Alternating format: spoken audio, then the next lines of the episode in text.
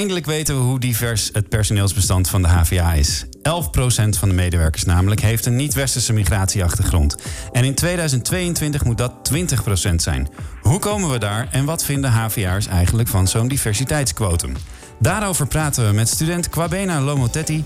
die onderzocht hoe je een diverser publiek kan werven voor vacatures. En we praten met Kees Enthoven. Hij is directeur van de afdeling Human Resources van de HVA. Zijn jullie er klaar voor? Yes. Ja hoor, zeker.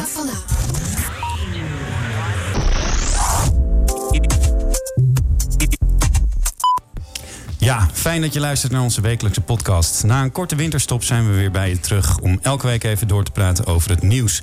Mijn naam is Daniel Rommens en bij mij aan tafel zit redacteur Kiri Stuy. Welkom Kiri. Hey. Er was veel nieuws eh, deze week, vond je niet? Nou, hadden een enorme oogst. Ja, vond ik ook. Nou, laten we maar meteen beginnen met het meest opmerkelijke verhaal van deze week. Want studenten van de opleiding eh, Communication en Multimedia Design... die vonden maandagochtend blikjes energiedrank onder een tafel. En die waren in een lokaal hier in het Benno Premselahuis verspreid... als een ludieke reclamestunt voor Red Bull. En daar is de HVA best pissig over geworden. Waarom, waarom vonden ze dat zo erg, Kiri? Nou, inderdaad. Ehm, eigenlijk om twee redenen. Eh, de eerste is omdat docenten vinden dat reclame niet thuis hoort in een leslokaal. En de tweede reden is omdat het nogal omstreden is. Eh, er is een maatschappelijke discussie. Energiedrank is ongezond en hoort daarom niet thuis op scholen. Ja. Uh, dus daar zijn ze not amused over. En er liepen geen mensen met Red Bull jasjes hier naar binnen. Uh, ik begreep dat het echt een student is die in dienst is van uh, dat bedrijf. Ja, inderdaad. Red Bull heeft meerdere studenten in dienst die dus echt actief dat product moeten promoten op universiteiten en hogescholen. Ja. En overigens, goed om te vertellen, waren niet alleen de docenten die, um, uh, die, dit raar vonden. Mhm. Uh, want wij hebben ook via Instagram de studenten om een mening gevraagd. En 67% reageerde daar met what the fuck. Kijk aan. En jij, betelde ook meteen met, jij belde ook meteen met Red Bull. Wat zeiden zij ervan? Boden ze excuses aan? Uh, excuses niet echt. Ze zeiden zelfs dat uh, uh, studenten zelf verantwoordelijk zijn voor hun eigen acties. Dat vind ik echt raar, want ze betalen die studenten. Nou, precies. En um, het bestuur heeft ook laten weten van, dat ze nog met een reactie gaan komen... die waarschijnlijk ja. niet zo vriendelijk is Ik zal heel even mijn telefoon kijken, want we zitten inderdaad te wachten op die reactie... maar we hebben nog niks binnen. Nou, dat komt hopelijk later. Raar verhaal in ieder geval. Zeker. Ik ben wel ook benieuwd wie die student nou is. Uh, ja, vleugels. Stom bruggetje, sorry. Uh, die vleugels die hadden drie HVA'ers wel kunnen gebruiken... die woensdag meededen aan de alternatieve Elfstedentocht. Uh, studenten Cas van Trierum, Jesper Koen en Koen de Best... haalden namelijk alle drie de eindstreep niet in die schaatswedstrijd. En dat schijnt de allerzwaarste schaatswedstrijd van de hele wereld te zijn. En die wordt elk jaar op de Oostenrijkse Weissensee gehouden. Um, eerder vandaag uh, sprak ik met uh, Koen de Best. Uh, hij was een van die studenten. Over de scheuren in het ijs die voor hem het einde van zijn tocht betekenden. ik zorgde ervoor dat ik niet, niet te veel deed. Dus ik zat een beetje achterin, een beetje eten, drinken, sparen voor de laatste 100 kilometer. Toen ging het, schoot het weer even in gang. En dan, zeg maar, dan neemt het toch, dus, zeg maar, dan neemt het een beetje een plaspauze. Ja. En toen, toen ging ik onderuit. En met opstaan merkte ik gewoon meteen dat mijn schaats niet meer was zoals hij hoort te zijn. Ja, want even En, dit, is, eh, dit is natuurijs waar je op schaatst. Uh, dus dit is Ja. gewoon iets wat je tegen kan komen. Ja, nou, je hebt, je hebt, eh, het, was knijter, ja, het was min 14 of zo Mhm. bij de start. En eh, nou, het ijs is gewoon knijterhard. En eh, de scheuren die erin komen, blijven er gewoon in zitten en die worden steeds erger. Dus eh, soms zie je ze gewoon niet omdat er een beetje sneeuw in ligt. Hoe ging dat Dus, eh, toen, nou, jij, eh, toen je langs die scheur kwam? Wat gebeurde er precies? Eh, je staat gewoon meteen stil, dus je valt eh, vol. Ik viel vol voorover. Ja. Op mijn, op mijn, ja, gewoon plat, Mhm. dacht ik. En eh, ja, dan moet je weer opstaan. Dan moet je, ik zat er redelijk voorin. Dus ik, eh, toen ik opstond zat ik nog wel in het eind van het peloton. Maar eh, de eerste paar slagen eh, kon ik niks, omdat, niet wist, omdat ik niet wist dat mijn ijzer eh, was. Ja, dat wist hij toen nog niet. Later merkte hij dat dus echt dat hij gewoon niet meer verder kon schaatsen met die kromme schaats. Alle drie de HVA'ers haalden dus de finish niet. Ja, was wel heel sneu, hè, ja. eigenlijk. het zag er wel echt heel koud uit. Hè? Ik zag die foto's, de ijspegels hingen letterlijk aan die baarden. Ja, inderdaad. Nou, ik hoop dat ze toch binnenkort lekker aan een warme chocomel kunnen. Nou, toen ik ze belde waren ze net bij een pompstation, stonden ze stil. Dus misschien hebben ze daar wel een warm drankje gehaald. Dan nog een klein nieuwtje over Anne Frank. Want het portret van uh, nou ja, bekende Amsterdamse Joodse meisje... hier aan de overkant van uh, de Amstel Campus... dat wordt in februari gesloopt. En wij vroegen aan HVA'ers wat ze daarvan vonden. En meer dan 70% van hen bleek dat hartstikke zonde te vinden. Dus vroegen wij aan de HVA of er niet toch een manier was... om dat portret te behouden. Maar helaas blijkt dat onhaalbaar te zijn. Uh, want die betonnen muur die kan niet uh, eruit worden ge gehaald voordat het gesloopt wordt. En bovendien zou het ook veel te duur zijn. Gelukkig hebben we de foto's nog, want uh, de HVA heeft daar een boekje van laten maken. En een woordvoerder van de hogeschool die zei dat er misschien een leuke verwijzing nog komt naar ja, dat portret in het nieuwe Conradhuis. Waarom is dit onderwerp juist nu zo actueel? Maar zouden die HVA'ers niet ook boos moeten zijn? Uh, ja, eigenlijk wel. Ik vind het niet heel professioneel om mijn bestuursgenoot in de pers af te gaan vallen. Waarom gaat er zoveel geld naar jouw onderwijs? Nee, niet zoveel vragen hoor. Wil je niets missen van het nieuws en de verhalen van de campus? Schrijf je dan in voor de nieuwsbrief op havana.nl. Je hoeft hier niet lang rond te lopen om te zien dat de HVA een heel diverse studentenpopulatie heeft. En de hogeschool wil dan ook dat zij zich allemaal kunnen herkennen in de medewerkers. En daarom willen zij in 2022 dat minimaal 20% van de medewerkers een niet-westerse migratieachtergrond heeft. Onze vraag was natuurlijk meteen aan hen: hoe staat het er nu mee? Nou, daar hebben we een antwoord op. Want volgens een onderzoek is dat 11%. De cijfers mag trouwens de HVA niet zelf verzamelen, uh, maar met hulp van het ministerie van Sociale Zaken en Werkgelegenheid en het Centraal Bureau voor de Statistiek kon dat nu alsnog. Maar nu komt de volgende vraag, die wat mij betreft ook heel logisch is. Hoe komen we van 11% naar 20%? En daarover praten we met student Human Resource Kwabena Lomotetti en HR-directeur Kees Endhoven. Kwabena, jij bent uh, student bedrijfskunde uh, um, en jij hebt onderzoek gedaan naar dit onderwerp. Maar eerst eventjes dit. Wat, wat vind jij van die 11%? Is dat genoeg? Nee, dat is nog niet genoeg, omdat ik vind um, dat de HVA um, bestaat uit een um, hele, diverse, hele diverse groep studenten. Als we naar Amsterdam kijken, kan je dat al zien. En daarom vind ik ook dat die 11% veel hoger hoort te zijn. Zodat uh, diversere studenten zich ook thuis voelen. En ja. het makkelijker vinden om naar de docent te stappen. Ja, nou dat vond de HVA dus uh, ook vorig jaar. En daarom hebben ze dat quotum ingesteld. Wat vind jij van zo'n maatregel, zo'n quotum?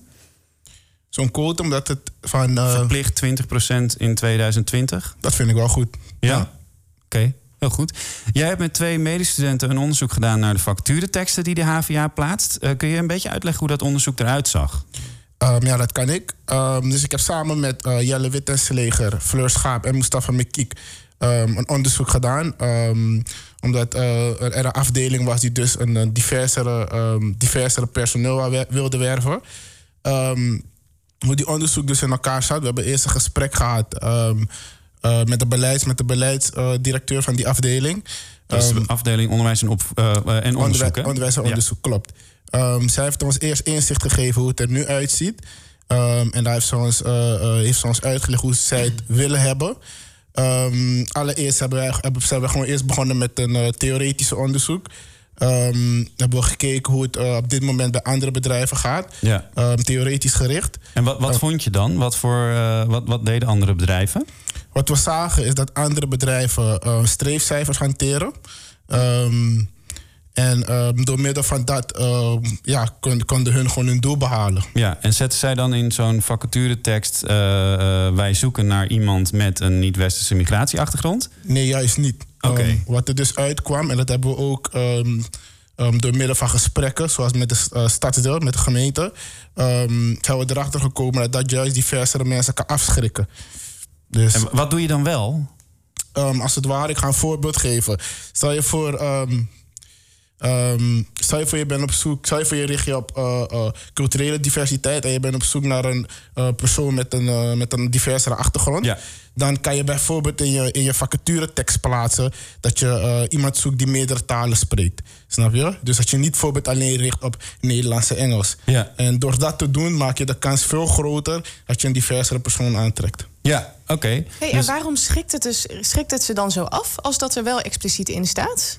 Omdat ehm, ja, zij het gevoel kunnen krijgen dat je, ehm, dat je alleen contact met hun opzoekt. Omdat hun een andere achtergrond hebben. Dus dat je je niet meer richt op de persoon zijn vaardigheden, op zijn kwaliteit. Ja, dat is ook een beetje wat, wat je krijgt als je het over zo'n diver- diversiteitsquotum hebt. Dat mensen zeggen, ja, dan word je niet op je kwaliteiten ge- eh, geselecteerd, maar op je achtergrond. Precies. Ja. En dat kun je dan omzeilen door het een beetje te verhullen in de vacaturetekst. Juist. Want is dat het? Is het verhullen?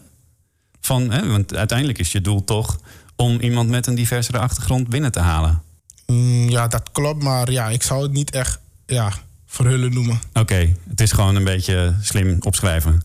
Ja, zo kan, zo, kan je Dat doen wij ook altijd. Ja, toch? precies. Dat, doen wij ook. dat is dagelijkse kost bij ons. Kees, kun je hier wat mee?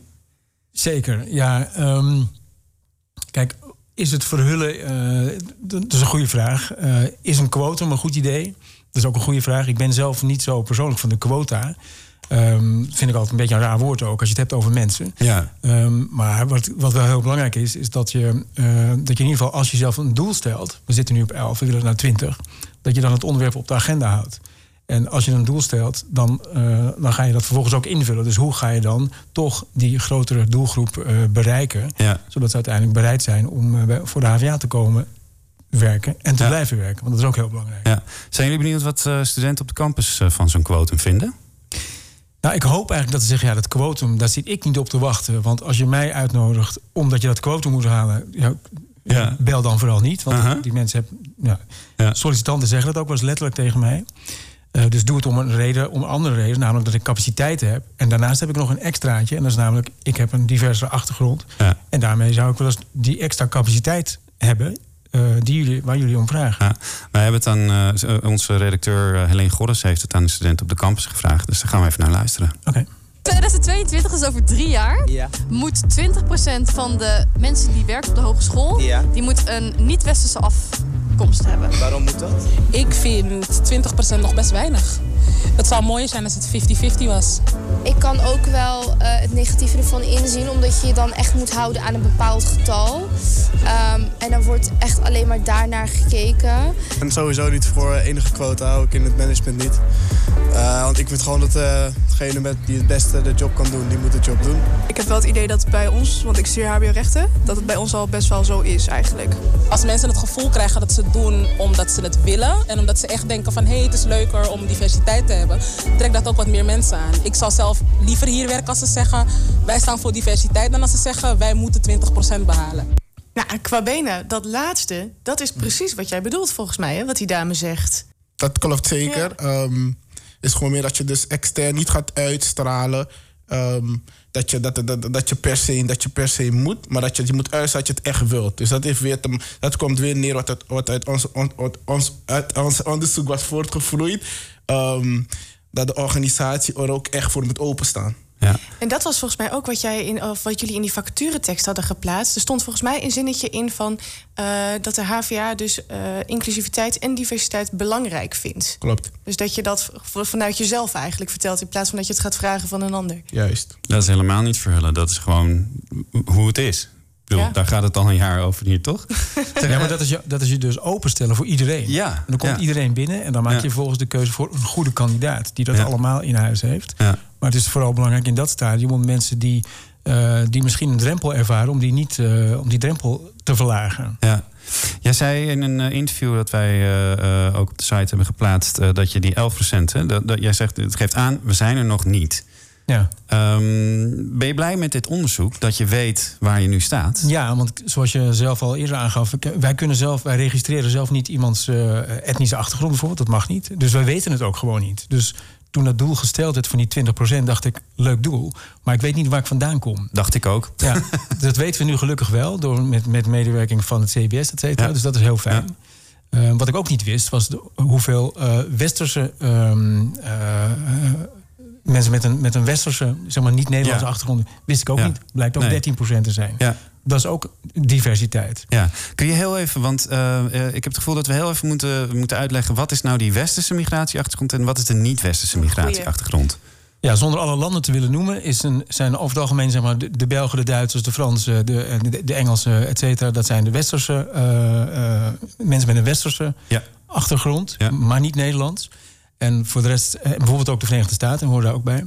Eh, en landen als eh, sorry, landen in Afrika, maar ook Turkije, ehm, Zuid-Amerika. Dat zijn landen met een niet. Azië ook. Azië ook. Ja. ja. Maar Indonesië en Japan dan weer niet. Oké. Gek genoeg. Maar goed, dat is, Ah. dat, ik, heb, ik heb het rijtje ook niet gemaakt, maar dat is Die noemen we weer wel westers. Dat is overigens CBS, geloof ik, die daar echt Ja, dat harde onderscheid maakt. Ja. Eh 20% in 2022, dat is een stevige ambitie. Hoe gaan we dat doen? Ja, we zijn al. Of wat doen jullie al? Ja, we zijn al op een aantal vlakken zijn we bezig sowieso door dit onderwerp regelmatig op de agenda te zetten. Er gebeurt al. Ik heb de afgelopen maanden in diverse groepen gesproken. En dan merk je dat er al heel veel gebeurt zonder we als HVA algemeen dat überhaupt weten. Maar lokaal, zeg maar in opleidingen, gebeurt er al heel veel. Ehm, we, zijn ook, we kijken al wat langer naar onze eigen vacatureteksten. Ehm, en we zijn bijvoorbeeld ook gestart met een eh, traineeprogramma voor aankomende docenten. Waarbij de doelstelling is om 40 trainees aan te trekken. Met echt een, eh, wel, wel zeg maar een multiculturele achtergrond. Om die op te leiden tot docent. Ja.